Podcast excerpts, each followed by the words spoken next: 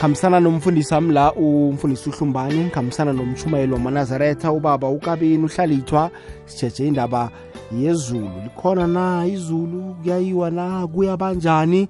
Izinto ezifana nalezo siphenya phenye nje umhlolo kazimo usitshele usiphenje i-direction ya usiphe umhlahlandlela.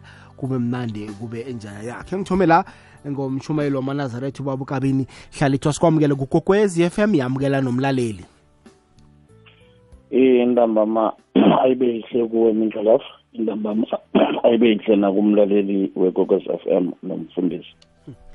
Siyathokoza mfundisi uhlumbane siyakwamukela yamukela nomlaleli kokwez f m.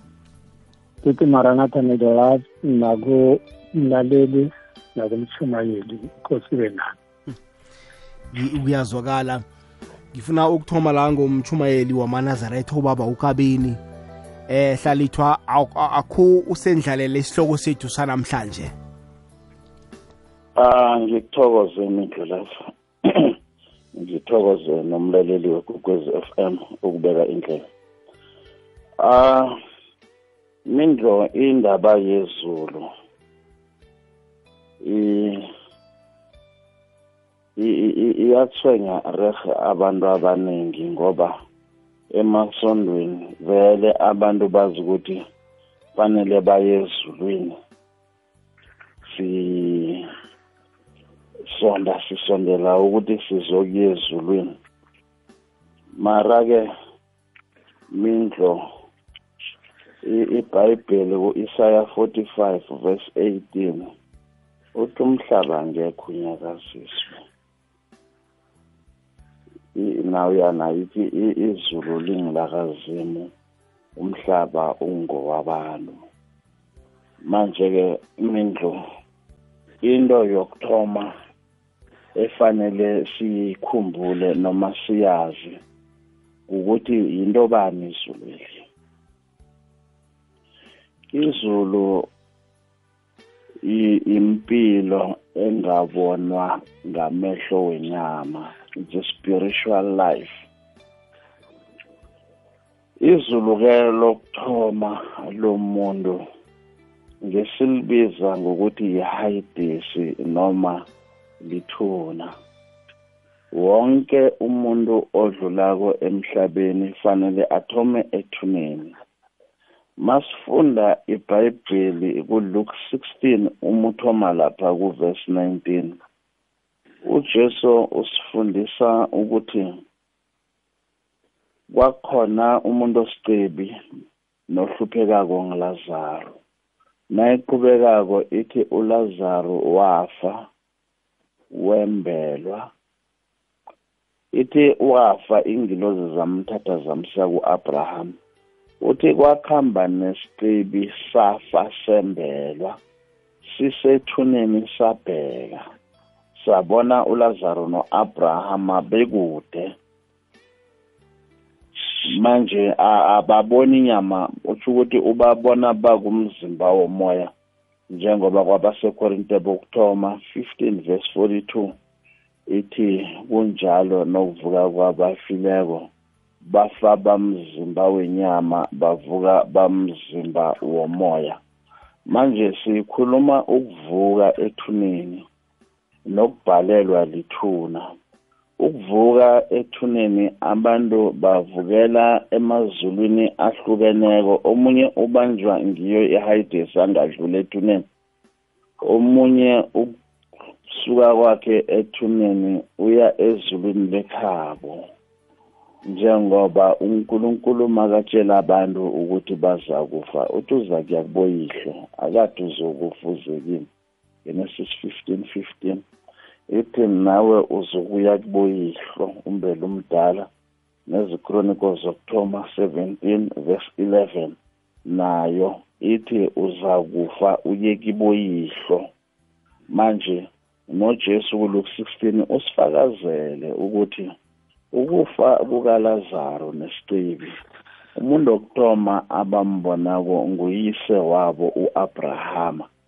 And eh, ngu-abrahama owaleli isicebi ukuthi size eparadesi asihlale lapha ehayidesi and nengilozi umuntu lo zamthatha zamusa ku-abrahama lizulu lelo lesibili.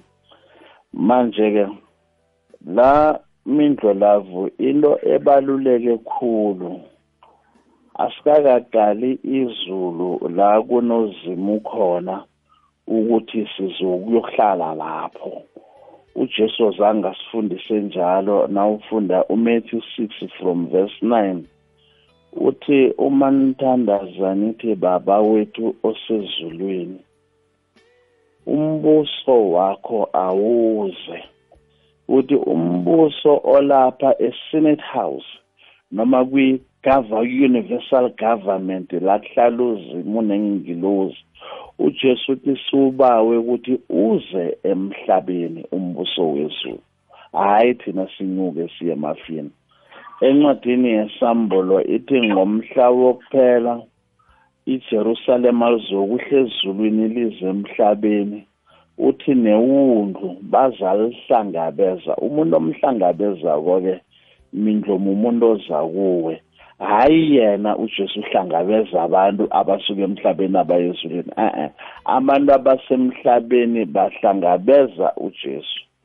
Lokho kutsho ukuthi ke umbuso wezulu uzokuba sephasini lapho sikhona thina ngemva kokuthi kube khona ukugwetshwa njengoba incwadi yesambulo isho ithi abantu baza kuvuka bonke bayogwetshwa omunye nomunye ngezono zakhe ah ingilozi zizabaphosela esihogweni somlilo labo abangaka kade bangenzi kuhle emhlabeni akade benza kuhle lithi iBhayibheli baza kudla ilifa lomhlaba bahlale kuwo njalo njalo. Amahubo 37 verse 29 abalungileyo bayakudla. Ifa lomhlaba bahlale kuwo njalo njalo. Manje kunencwadi lapha mindlo kumshumayeli e, e, e, edida abantu umshumayeli 9 from verse 5 ithi abaphilayo bayazi ukuthi bazakufa bafile kwabazi lutho nanti ivesi elidida abantu abalifunda ngengqondo yalo yodwa bangafundi ngengqondo yamanye amavesi. Uthe uPaul kwabaseKorinte bafa bayinyama bavuke bamoya.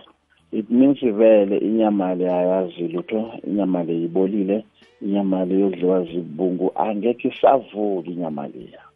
Ifilifili iphelile ibuyele emhlabathini kodwana umoya awofi njengoba kuMatthew ubona kuMatthew 17 uJesu uzithola ano Eliya noMosi. Ngesikhathi uJesu azalwa uMosi besekana 800 years afa kodwa bambona anoMosi lo owafako uma ufunda incwadi kaSamuel 28 verse 19 uthi uSamuel ekosini uSawule makakhuluma naye uthi wena namadodana akho uNkulunkulu uzoninikela esandleni samafilisti. Nizobe nifile nani ninami kusasa la? Ngoba uNkulunkulu uninikele. noJesu kuMatthew 23 verse 42 uthi esilelesini esirabhelako kuye wena ngiqinisile kusihlwa uyobe unami eparadise. Akathi uzobufile kungasaziwa lutho ngawe. But obviously inyama yona izobe ifile. Eh sifundwe la sifundiswa ngushembe ngenhlabelelo zakhe. Isihlabelelo 135 eh ku verse 4 ithi ngiyokudlula esigodini sothunzi lokufa lithuna lelo lapho abaningi bemisiwe balinde umhla wokuphela ukukhala nokugedla kwamazinyo ukuthi abanye-ke bamisiwe emathuneni abakwazi ukudlula ethuneni balinde khona abanye-ke balinde emakhaya njengoba-ke mindlela kuvane senze isibuyiso emva kwesikhathana umuntu alele vane simbuyisela ekhaya ukuthi abe sezulwini lekhaya. Nesihlabelelo 235 esisihlabelela emngcwabeni futhi ngingumhambi emhlabeni kunomuda othi ngiphe nkosi amandla wakho ngiyokudlula ethuneni. Manje sifunde ukuthi siyadlula ethuneni mara kodwa sifunde ukuthi izulu eli e, e, e, eli-senate house la kuhlala uzimo nengilozi akuhlala abantu uzimo abantu bathela umhlaba. Ngibawa ukuthi ngibeke la. Siyathokoza hlalithwa izwakele uyibekile. Wasivulela yona kamnani ngaphambi ngoba nangiphe ithuba ubaba umfundisi uhlumbane ngifuna khe ngiyokuthengisa ngokwe ekhabo lakhona sibuye siragele phambili mlaleli omuhle wekwekwezi fm nakamajukuluko akhona emahlelweni wangomgqibelo. Ihlelo jikamajika selithoma ngesimbi yethoba ekuseni. Bangani kuyokuba mnandi kangangani ukujika no-dj mpumi nosimplicity usimbi ikwekwezi fm top 20 iyasuka ntambama. Izokuthoma ngesimbi yethumi ekuseni kujika majika city. Udj mpumi ukudlalela eziphambili zeveke. Kukhanya ba. Inamba la 10 to 11 le gogwezi FM sithi yazi ngekolo yakho sikhambisana nobaba uhlalithwa eh, umshumeli wamanazaretha sikhambisana nomfundisi uhlumbane sitshetshe njani indaba yezulu ya athi ingoma yathi niyokuya na? Sithokoze eh, mfundisi hlumbana. Ngithokoza melolaza siyathokoza kusifake nje esihlokweni sethu sanamhlanje. Uphenya phenye wafika kuphi mfundisi sami eh ngifunda incwadi kaJohanesi indima ngeyishumi nane ngifunde indinyana yokuthoma yesibili neyesithathu. Ithi inhliziyo zenu azingakhathazeki. Kholwani kuzimu nikhole nakimi. Kukhona iy'nkumba eziningi ekhaya lakababa. Nakube kungasinjalo ngabe nginitshelile. Njeke ngiyako njenge njeke ngiyakhamba ngiyonilungisela indawo. Nasele ngikhambile nginilungisele indawo ngizokubuya ngizonithatha khona nizakuba lapho ngikhona. Ngujesu okhuluma la ngombana isihloko sale ndima ithi ujesu indlela eya kubaba. Ubaba wethu-ke ubaba wethu sonke nguzimu. Fale sizibuze ukuthi uzimo uhlala kuphi? Ujesu nanakaza kuze ephasini begade asuka kuphi? Ingilosi zakazimu zikuphi? Ngombana vele abantu abaningi bakholelwa ukuthi akunamuntu oyezulwini. Ngizomshumayela akhuluma nangokuvuka kwabafileyo. Iye ibhayibheli liyakhuluma ngokuvuka kwabafileyo. Bayovuka bayiphi? Bavuselwane? Bavuka nini? Ibhayibheli ujesu makakhuluma. Zonke izinto eziningi bekade azikhuluma ezinye wazenza hlangana nabantu ukuthi abantu bazibone lokhu azenzayo. Akhe ngiye endabeni kalazarus ku-incwadi kajohanesi u-11 lapho ujesu waya ethuneni lakalazarus wafika wamemeza wamvusa ethuneni. Ithi ulazarus wabuya kwaba umuntu ophilayo njengabanye abantu. Kodwana la ujesu makakhulumako uzokuhamba shiya abafundi bakhe. Abafundi bakhe inhliziyo zabo zibuhlungu ngombana ujesu uyakhamba. Ujesu uthi awa inhliziyo zenu zingakhathazeki. Nina kholwani ngubaba yini ukukholwa? Makathi kholwani ngubaba ngamanye amezwi izinto ubaba angithume zona bona ngizomtshela ngilezi engimtshelileko zikholweni. Ngombana ngithunywe ngubaba nami ngikholweni. Kanele ujesu uthi makakhuluma athi namezwi la engiwakhulumako akusingawami ngamezwi engiwanikezwe ngubaba ukuthi ngimtshele wona. Nalapha-ke uthi ngiyakhamba ngiyonilungisela indawo. Nasele nginilungisele ngizabuya ngizonithatha ukuthi la ngikhona nibe khona nani. Kusho ukuthini? Uyaphi? Kukuphi la sisaba khona naye? Makathi uyakuhamba uyaphi? Isithembiso uthi ngiyakhamba ngizabuya ngizomthatha ukuthi la ngikhona bike khona nani. Akhe ngifunde incwadi futhi ekaMateyu. uMateyu isahluko ngesika-24 ngizofunda lapho ivesi ka-30 nevesi yaka-31 ithi yona ivesi ka-30 eh kuMateyu 24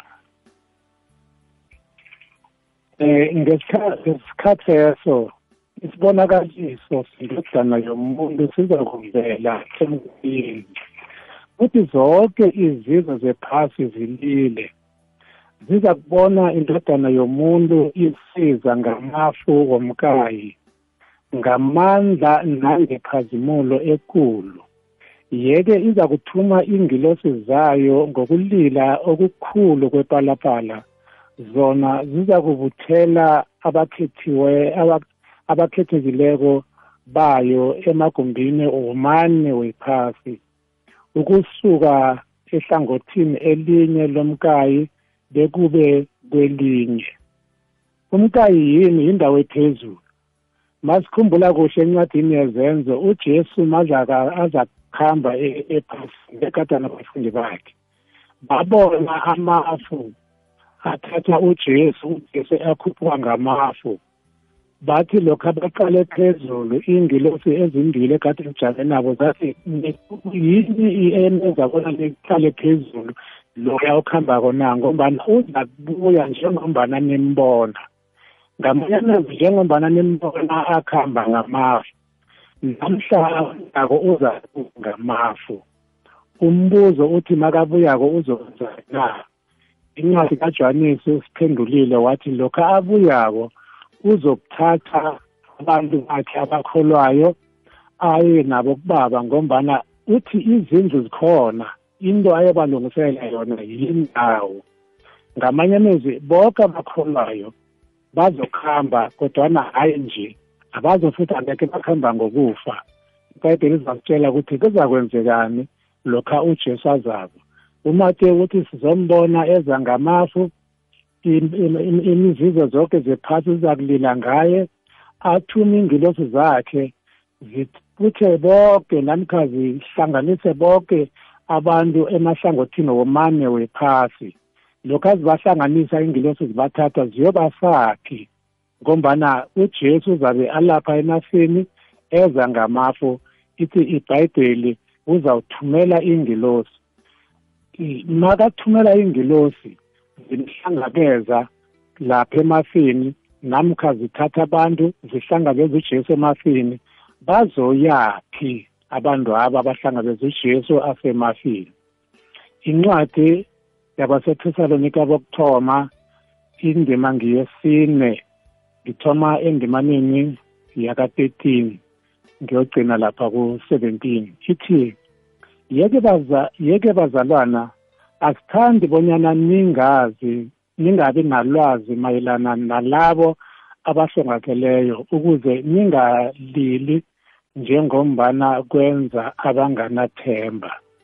Njengombana nikholwa bona ujesu wahlongakala wabuye wavuka ngokunjalo-ke ngojesu uzimu uza kubaletha kanye naye labo abahlongakeleko eh sinitshela lokhu ngelizwi lenkosi kobana thina esiphilako esiseleko sekubuya sekubuye inkosi angeze sabandulela nakanye abahlongakeleyo inkosi ngokwayo izakwehla ivela ezulwini ngelizwi elikhulu ngephimbo lengilosi ekhulu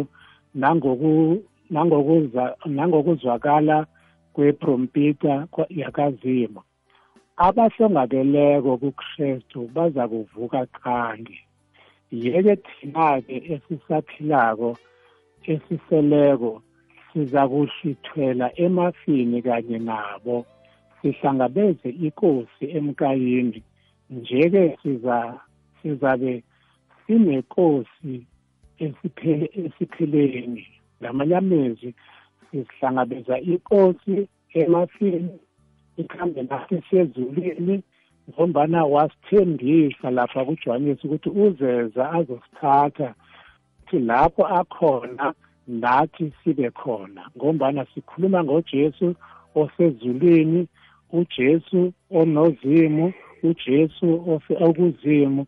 Lokho azothatha abakholwayo uzobathatha abase kuzimu la akhona. Iqiniso ukuthi iye kukhona abantu abazabe basale basa abangekhe bavuka ekuseni uJesu aze abuye bathathe abavuse egodu makabavusako bazoya ekhaya ezulwini. uJesu umfanekiso lo wawenza ngalesikhathi afa esiphambanweni ithi ibhayibheli kumateyu 27 thoma kuvesi 51 kuya 53 kuthe lokho ujesu makafako kwazamazama namka kwasikinyeka iphasi ilanga lacima amatshe aqephuka amathuna wangcwele ebagade balala avuleka. Babonakala bangena emzini yasejerusalema ujesu makavukako ekuseni ngelanga lesithathu. Lokho kwakumfanekiso ukuthi ujesu uzobuya amathuna avuleke abakholwayo bavuke bamhlangabeze emafini.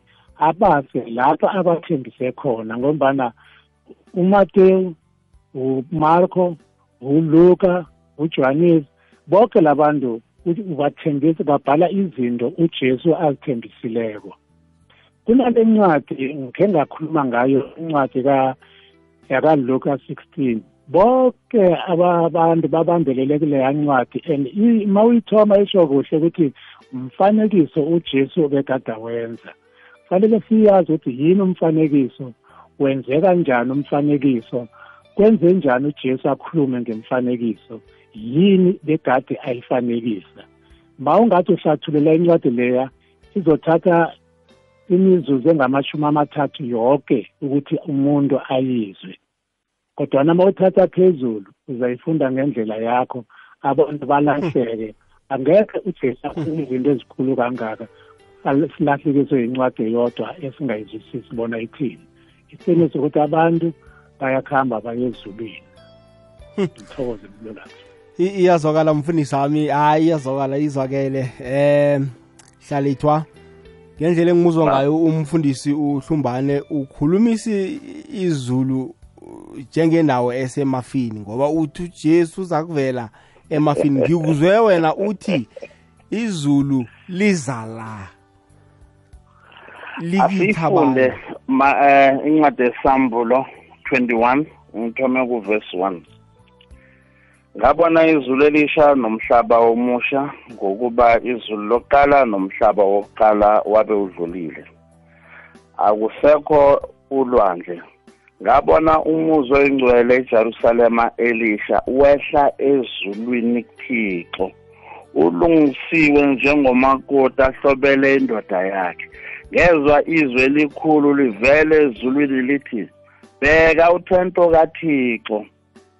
Ukhona kubantu uyakuhlala nabo babe abantu bakhe yena abe nguthixo nabo abe uthixo wabo. iJerusalema lehle ezulwini liza kubantu.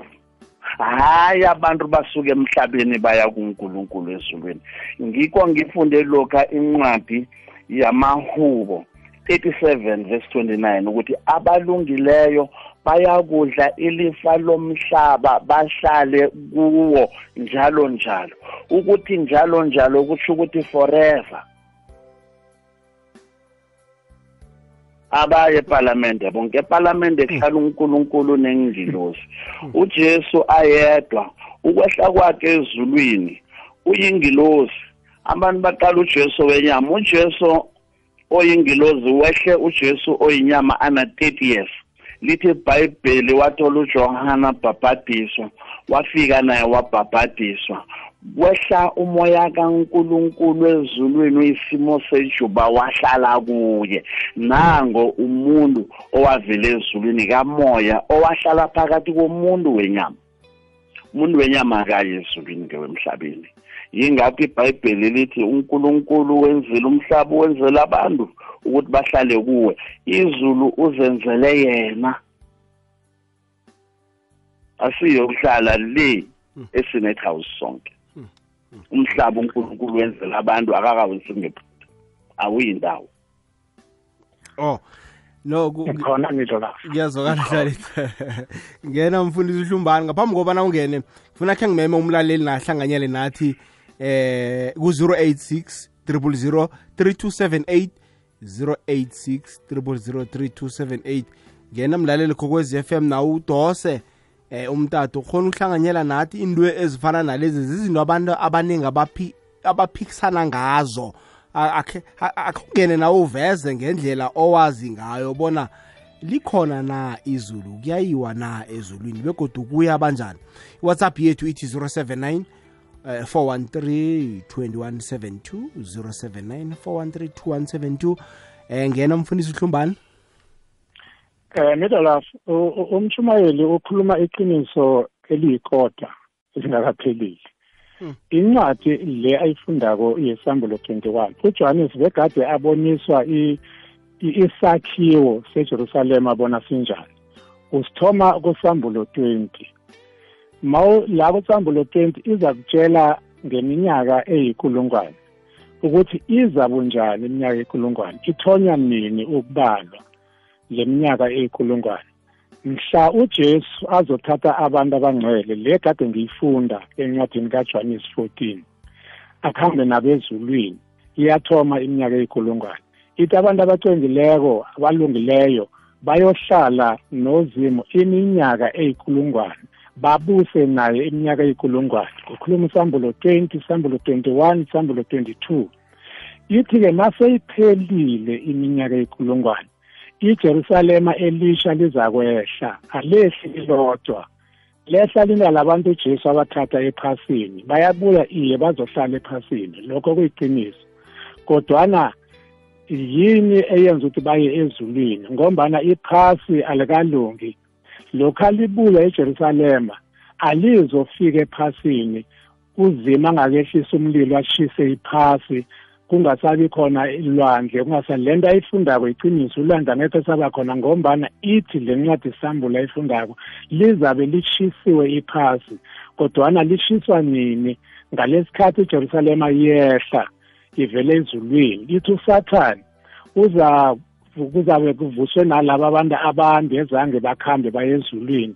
Abadukise futhi athi asi nasijerusalema sibabulaleni ngombana bayeza. Ithi ngaleso sikhathi-ke uzima wehlisa umlilo ubashisa bonke nomprofeti wamanga. Iphasi litshe lincibilike. Emva kwalokho khona leya jerusalema iza ihlala phasi. Kodwana iza nabantu abangcwele bakazimu. Egade bala ephasini ujesu wabathatha bahlala iminyaka ekulungwane bayabuya-ke beze ephasini bazohlala-ke njengobana vele iphasi walilungisela bona abantu. Iyazwakala uyayiphendula umfundisi uhlumbane mlalele kokwez FM iba likhomba imzuzu ngemva kwesimbi ye-chumi inanye hlelo lithi yazi ngekolo yakho sikhuluma ngendaba yezulu 086 3278 inomboro yethu yomtatu yokungena khone nawe yokubeka umbono wakho ngekwe ekhabo lakhona mfundisi namkha mchumayeli wamanazaretha uyamuzwa umfundisi uyayisekela ikulumo yakho uyatsho solo kujamile emagameni akhe uthi no. Ngendlela oyibeka ngawo uyibeka iba hafu khulu ayikazaliseleki. Mhlawumbe wena mindlo lapho umfundisi ukhuluma evangeli lama-opinions. Mm. so mina ngifunde ibhayibheli. Nangikuvulela ujohana ungangitsheli ukuthi ujohana uthoma kugenesis ngoba ngivule kujohana 2 and kwesibili abantu abaye ezulwini ngebakwa-israyeli kuphela abaya-144,000 bayokuvala isikhala sengilozi ezahlubuka ngesikhathi sikazamtsolo isambulo 14 from verse 1 uh nesambulo 7 verse 4 ngiyesho ukuthi abantu abaye ezulwini baya 144 ngithe ngithoma ukufunda ngathi amahumbo 115 verse 16 unless siyenze ukuthi ikhuluma amanga izulu ngelikaJehova umhlaba wawenzela abantu ukuthi bahlale kuwo. Then ngithi mina lithi iBhayibheli again kwi-Revolution 21 uJesu uzokusuka eze kubantu. Bamhlangabeze awumhlangabezi umuntu oya kuye uhlangabeza umuntu oza kuwe. Therefore iBhayibheli lithi umhlaba angeke wenzeka lutho angeke wanyakaziswa wanyakaziswa. Kuza kufa thina abantu benyama phela mara umhlaba angeke wavutha umhlaba. Azange uvuthe umhlaba angeke wavutha umhlaba azange unyakaze angeke wanyakaza uzokusola ukhona umhlaba. Kuzokufa abantu kuvela abanye kufa abantu kuvela abantu until judgment day. Ngiyakwazi emile lapho oh. Le bengifunda amavesi bengingakhulumi into ephuma eshokweni ithe ibhayibheli ujesu uzabuya azobalanda ukuthi la yena akhona nabo babe khona. Isho njalo ibhayibheli ushile mfundisi nalapha ukuthi uzobalanda Hlalithwa- njani abantu? Asimnikele ushile nesilelesini. Mfundisi wami eh, ukuthi hlalithwa kusihlwa uyobunami eparadisi hlalithwa akakasho ukuthi ezulwini. And ujesu makafika emhlabeni usifundise ukuthi siwubawe umbuso lo uze la emhlabeni. Ukuthi nithi baba wethu osezulwini umbuso wakho awuze then angeke asuke athi bantu khambani niye embusweni mara nguye osifundise ukuthi sibawe ukuthi umbuso uze hlalithwa akhe sinikele ubaba umfundisi uhlumbane aqede ikulumo yakhe nawe sokunikela ithuba. Mfundisi wami raga ngithokoze mina lapho encwadi ye- ye- ye- elona ayifundile ye-hundred and forty-four thousand eh nayo uyifunda kahle umthumayeli wami. Ngombana ma uyifundako izokutshela nge-hundred and forty-four thousand. Emva kwalokho ithi ngabona-ke masukuradela nayo phambili ngabona abangangesihlabathi solwandle abanganakubalwa nabo bajame phambi kwesihlalo sobukhosi sakazimu badumisa ngamahabhu ngayo yonke into. Sikuphi isihlalo sobukhosi bakazimu? Ngomele sisezulwini. Angeke bame bajame phambi kwesihlalo sobukhosi sakazimu ephasini. Ngangiphiki ukuthi abantu bazokubusa ephasini kodwana ithi ibhayibheli ngombani iphasi lonakele ujesu uzobuya azothatha abantu ephasini bayohlala iminyaka eyinkulungwane ezulwini besithi siza kubusa nojesu iminyaka eyinkulungwane ngisho incwadi yesambulo leyakhuluma ngayo. Mase iphelile iminyaka eyinkulungwane then sako ijerusalem elisha lizabuya lize ephasini. Abantu-ke bazobusa ephasini ngombana kuzabe kutshiswe yonke into esisono. Sathane iprofeti wamanga nabantu abenza isono angekhe kusaba khona isono nokufa nakho konke isho njalo incwadi yesambulo ithi ukufa angekhe kusaba khona ukugula ukuhlaka angeke kusaba khona ngombana izinto zakuthoma zokuthoma zidlulile. Angeke zidlule zingakatshiswa. Angeke zidlule uzima angakalungisi iphaseli. Angeke alilungise abantu ba- abakholwayo bala. Ibhayibheli ithi yolilungisa abantu abakholwayo bale phezulu nojesu. I- iyazwakala ngifuna khe siyokuthengisa sibuye sinikele nomlaleli ithuba. Mlaleli ikwekwezi fm iyokulethela imisikinyeko nesehlakalo emidlalweni yebhigiri yephasi ebolweni rarhwako isuka ekhata iza kuwe ngephimbo labarhatshi bekhethelo umarathumako uteyisi mgidi. Ihlophekazi uthabi mapela nehlaziyo ngelihlo nephimbo likagamela thombeni. Ubig joe nolady b bakulethele indaba ezivele ematatawini. Sisatshisa midlalo yefifa world cup eqatar kukwekwecfm kukhanya ba. Imilo phakathi kweveke ingaba yide kodwana angekhe wayizwa ubudenge ngekwekwecfm fm khwela isiphaphamtshini sesivukile breakfast show ngu-arvuna busayi nothando wakheke lwazi nefundiso ehlelweni ngini nawe nozuzu. Ngesimbi yethoba bekube ngeyethumi nambili emine kuni. Umbano litsho ukuqina njengenyanda ibotshwe ndawonye. Sidishile the unity show nobubo the beat. Yeshumi nambili bekube ngeyesithathu amathunzi anabile sibhincela ukuyothatha amandla matsha ngomsikinyeko we-triple ads noking d sikuphakele zemidlalo zitshisa ehleleni fulela wanethwa nobig joe 326 triple ads sikupha ilwazi ngezomnotho. Sikulethele ekufanele ulale uyazi ehlelweni hlala nami negusheshe lomrhatho 7 to 9 konke lokhu ukufumana kukwekwezi fm kukanyamba Hey nambala kukhanya ba 14 minutes past 11 ihlelo yazi ngekolo yakho. Khambisana nomshumayeli wamanazaretha ngikhambisana nomfundisi uhlumbane sijeje indaba yezulu sisiphe nomlaleli ithuba Eh mindlulavu eh ngimlotshise lapho nabafundisi.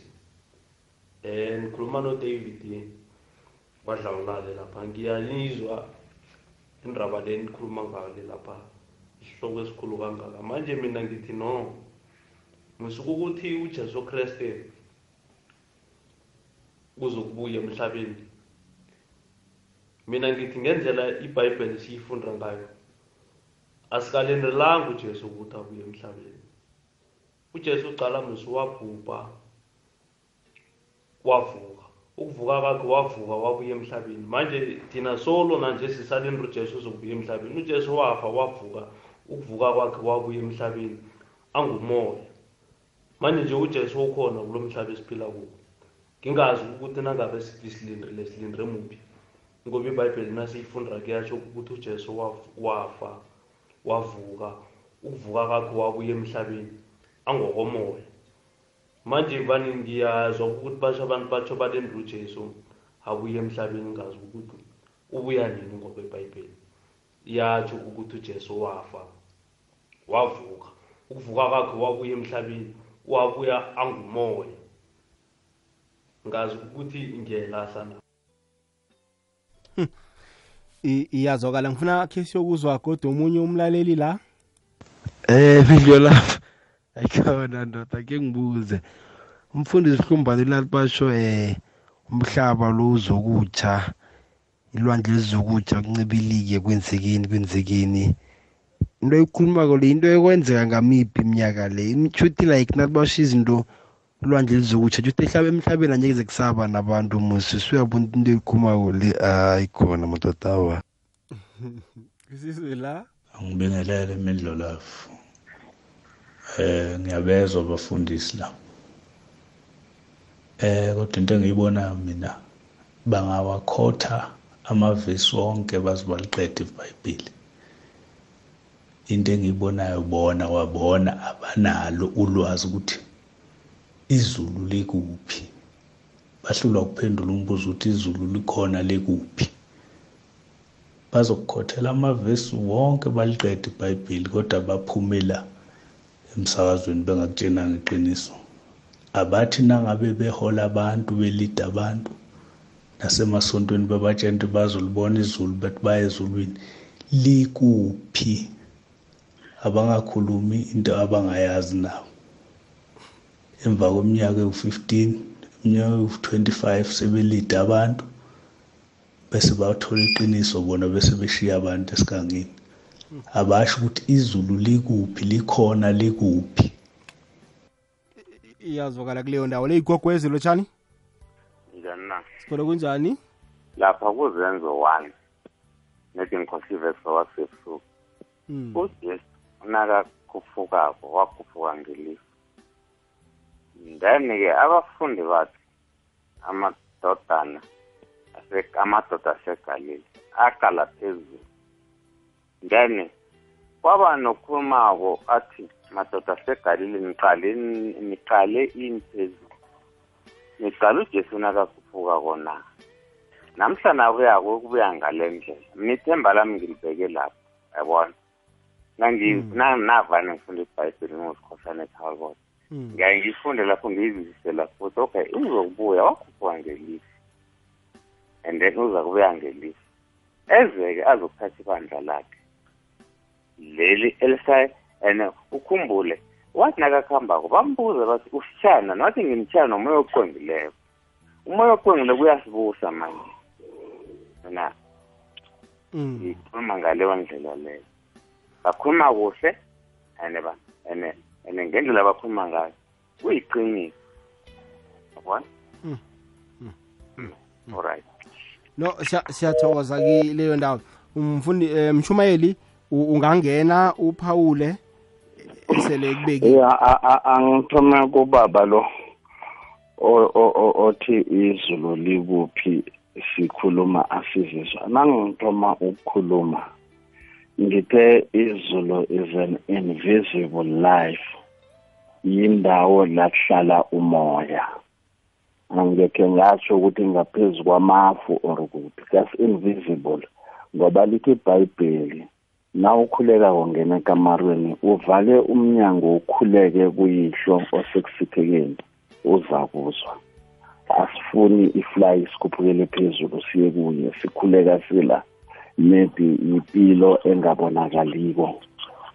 But sikholwa kunomfo okhulume kuhle la wathi ujesu ukhona. Akasikude ni. It's just is an invisible life but ukhona konke nje. Therefore naye kuMatthew 29 nikabusisa a- a- a- abafundi bakhe. Uthi khambani nishumayele lapho nikhona ngizobe nginani. Maye umfolo u- u- uyayizwisisa into kamoya. Then nawufunda incwadi ka-isaya 26 verse 19 and 20 ithi abafileyo bayakuvuka. Bahlale endlini zabo okwesikhashana. Hayi ukuthi bazokuvuka bayinyama njengoba kodwa ngichazile ukuthi wonke umuntu ofake ukuba nomfundisi ngehloko othi dasi to dasi but ibhayibheli lithi baza kuvuka bahlale endlini zabo okwesikhashana.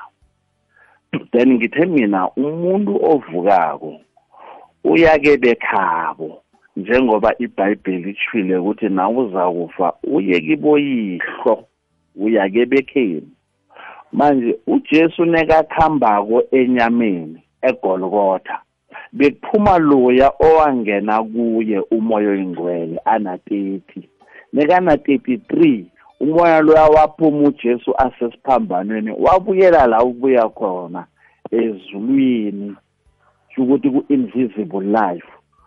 Walila ujesu nawuphuma kwathi eloyi eloyi lamasabakathana okungukuthi thixo wami ungishiyelane ngoba uthixo wakhe bekaphuma kuye. Uthi upetro uma ufunda incwadi kapeter 1 from verse 18 ithi naye ujesu wabulawa enyameni wavuka spiritual. Wayokushumayela laba abafa ngesikhathi sikanoa I- i- iyazwakala mshumayeli ngifuna khe sijike ngapha. Siyabuya mlaleli hlakaniphisa umkhumbulo womntwanakho ngokumkhuthaza afunde incwadi inolwana nendatshana ezimafoklo namafiction ikwekwezi fm ngokusekelwa yi-unicef mnyango wezefundo-sekelo kunye ne-nect bakhuthaza abantwana ukusuka eminyakeni yokuthoma kufika eminyakeni elithumi nambili bona bakhuthalele ukufunda. Lalela ikwekwezi fm qobe ngomgqibelo nayimathumi amathathu ngemva kweyethoba ekuseni. Uyilethelwa yi-unicef mnyango wezefundo-sekelo nect ngokubambisana nekwekwezi fm all right 20 pha 22 minutes past 11 le igwekwezi fm ngolosine siyazi ngekolo yakho. Sikhambisana nomfundisi uhlumbane nomshumayeli wamanazaretha sikhuluma ngendaba yobukhona bezulu. Umfundisi sami bakhulumile abalaleli. Ungathwayela uthini? Imibono iyaphambana la. Abanye bathi siyaki siyakuye abanye bathi uzakithi into ezifana nalezo ungathini? Eh a- akamrari milo lami. Kwayona ibhayibheli ishilo ukuthi abantu bazakuphikisana nozimo and abanye abantu abazi ukuthi masifunda ibhayibheli sifunda ilizwi lakazimu. Masifunda isambulo eh, 19 sonke isahluko esisikhuluma ngabantu abasezulwini abadumisa uzimu abahwelelako bathi haleluya amandla ngawakazimu. Laba bantu abazabe bathethwe ngujesu ephasini. Bayohlabelela ezulwini. Ngifuna ukuyibuyelela incwadi kajanisi mhlambeni abayizwa kuhle. Lamavesi amathathu ngizofunda ihliziyo yenu inhliziyo zenu azingakhathazeki. Kholwani kuzimu nikholwe nakimi kujesu okhulumayo. Kukhona inkumba eziningi ekhaya lakababa. Nakube bekungasinjalo ngabe nginitshelile? Nje-ke ngiyakhamba ngiyonilungisela indawo. Fayisi sizibuza ukuthi uyakhamba uyaphi? Uyasilungisela indawo kuphi? Ngingagele phambili ithi nasele ngikhambile nginilungisele indawo ngiza kubuya ngizonithatha khona niza kuba lapho ngikhona. Angeke ujesu athi ngizanithatha kanti usitshela mala uzobuya azosithatha ukuthi la akhona sibe khona. Uthe ngiyakhamba ngiyonilungisela indawo. Izindlu zona zikhona. Into engiyoyilungisa yindawo. Nasengilungisile ngiyabuya ngizonithatha. Ngujesu okhulumayo. Incwadi yabasethosanikela ya engiyifundile ithe inkosi ngokwayo iza kwehla kulile iphalaphala ivuse ngisho nabafileyo abakholwayo banyuke bahlangabeze inkosi emafini baza kuba nayo la ikhona ibhayibheli lisho njalo and yilizwi lakazimu nguzimu ofundisa abantu lokho. Ngithokoza siyathokoza mfundisi amkhe ngizumlaleli la msinyazana. Lotsha umindlo love nabafundisi. Yazi ngiyafisa ukuthi one day ningathi ma niletha abafundisi lapho emhashweni nilethe nomuntu wesayensi ngoba isayensi iyasho nayo ukuthi ayikho enye indawo la kuhlaleka khona abantu bangahlala baphile khona. Ngaphandle kwala emhlabeni nama-planet amaningi kugalaxy amanye they were still being recovered. Bayile ama-scientist lapho. Akukho nakunye indawo la kuhlalwa khona abantu. So ngiyacabanga ukuthi ibhayibheli angazi ibhayibheli yenziwe before iscience iba iba relevant but then ngiyacabanga ukuthi ibhayibheli beyibhalwa nje. Esemiye joke because I hlangana sithokoze nidlala siyathokoza kuleyo ndawo. Hayi hlala ithwa la sizoyivala la. Ngifuna uyivale ngamagama akho ogcina. Kanti ujohana 14 verse 1 lo yena kathi ikhaya lakababa kunezindlu eziningi zonithatha ngamunye ngamunye. Uyizwa njani hlalitho ngamunye ngamunye akekho. Ithini? Ngilungisa mfundisi. ivesele ngamunye ngamunye akekho akekho. Ivesele likhothwa umfundisi hlalito kanti wena ulifunda njani? Ulizwisisa njani? Um ihliziyo yenu ma ingakhathazeki kholwani ngithixo nikholwe yimi mm ekhaya likababa kukhona izindlu eziningi. Mm uma kungenjalo thalela ulele lithi uma kungenjalo if it was not so ngabe ngiyanitshela? Ngiyawulungisela indawo. Uma ngiya nginilungisela indawo ngobuya nginamukele nibe nami. Ukuba lapho ngikhona nibe khona nami. Then ngithe mina uthe khambani nishumayela ivangeli niphulukisa abagulako nibhabhadisa abantu. Wherever you are i will be there. Akukho amanga awashoko ukuthi la ukuthi la ngikhona nizobe nikhona nami. Ukuthi ngizonithatha le gama lethi ngizonithatha lisho ukuthini baba? Ah, ngifunda eKing James ah, mina ithi nginamukele ayithi ngizonithatha. Ngikho nangesondweni ngithi abantu abakhetha uJesu. Angeke bamkhetha ale ezulwini bamkhetha akhona emhlabeni. Okwesibili if ungakhuphuka wena mindlolavu wadlula amafula lizokushisa ilanga nawukhuphukela phezulu apha. Ngeke wafika ngale kumakhaza lizokushisa liqede nya. kwesibili kwesibili. Nawulapha ejohn smart airport ifly ye-cape town iyaphezulu isithele emafini.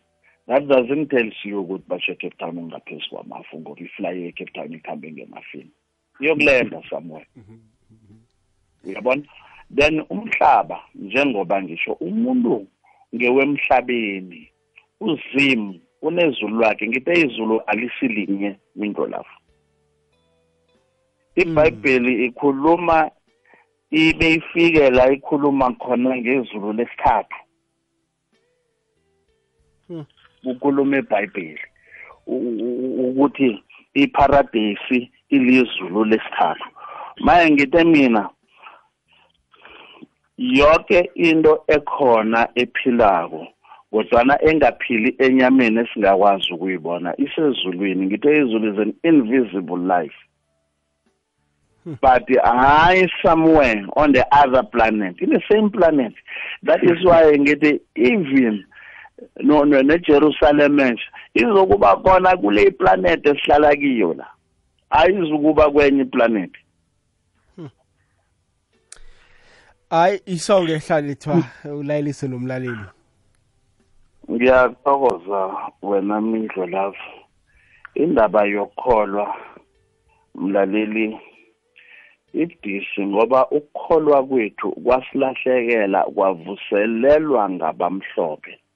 Ngikho omunye afuna ukuthi kube nescience in between iphikisane nekolo. Ikolo doesn't revolve abamhlophe. Ikolo ngiyomuntu omnyama isayensi ngiyomuntu omhlophe. Manje angazihlangani indwezo zoyithu wafundiswa into yekhenu babantu bokuhamba ngeke bakufundise ngendlela engiyo. Ngikho bakufundisa nokuthi namadloza nabezima bekho notokoloji akekho but bayakholwa ukuthi amadimoni akhona. Yonke imimoya is there in the universe but isezulwini ngokuhlukahlukana ngoba iphila ngomoya. Likankulunkulu izulu. Yileli esithi yipalamende yomhlaba kodwana asiyi ngikho uJesu asifundise ukubawa uNkulunkulu ukuthi umbuso kaNkulunkulu awehlele kitha. Noma shumayela abantu uthi phendukani umbuso wezulu usondele. Usondela kithi asisondeli kiwo. Senituze emhlabeni sizophila umbuso kaNkulunkulu. Ngiyathokoza ukulalela kwenu ngiyathokoza mindlolafu ngiyamthokoza nomfundisi. Inkosi busiseni kuswile sithokozile hlalithwa kuba nawe namhlanje. Uzwe mfundisi wami ivala ngamagama akho okugcina ngivala ngamavesi ngifuna abantu bazihlalele bafundele amavesi yona leya nikade ngifundile basekhosini kabo okuthoma isahluko ngesesine. Ngizayithoma nje kuvesi fifteen msinyazana. Sinitshela lokhu ngelizwi lenkosi kobana thina esiphilako esiseleko bekubuye inkosi angeze sabanduleka nakanye abahlongakeleko inkosi ngokwayo iza kwehla ivela ezulwini ngelizwi elikhulu ngephimbo lengilosi ekulu nangokuzwakala kweprompita kazimu. Abahlongakeleko kuKristu baza kuvuka qangi. Yeke thina thina-ke esisaphilako esiseleko sizokushwithelwa emafini kanye nabo sihlangabeze inkosi emkayini nje-ke sizabe sinenkosi esipheleni. Ngalokho-ke khuthazanani ngamezwi la. Sizohlangabeza inkosi thina abakholwayo abangakholwa hhayi angeke sibafostele ukuthi baye ezulwini. Ngithokoze nilo lapho ngithokoze nakumshumayele nakubalaleli. Sithokozile mfundisi ukuba nawe namhlanje. Thokoze baba. Siyathokoza. Sithokozile umfundisi uhlumbane nomshumayeli u- uhlalithwa lani bayibeka kamnandi indaba yezulu. Sithembeke bona nawe udobhileke emlaleli siyavuma-ke baphikisene lapha nalapha ngembono kodwana-ke sekufanele ukwenze nje ngiyathemba bona amavese bebawakhowutha bowatlola phasi kusasa okusako kuza kuhlala phasi ufunde ufunde nawe ukhona ukuhlaziya ugcine uthole ipendulo ngokwekhabo lakhona into zizwakala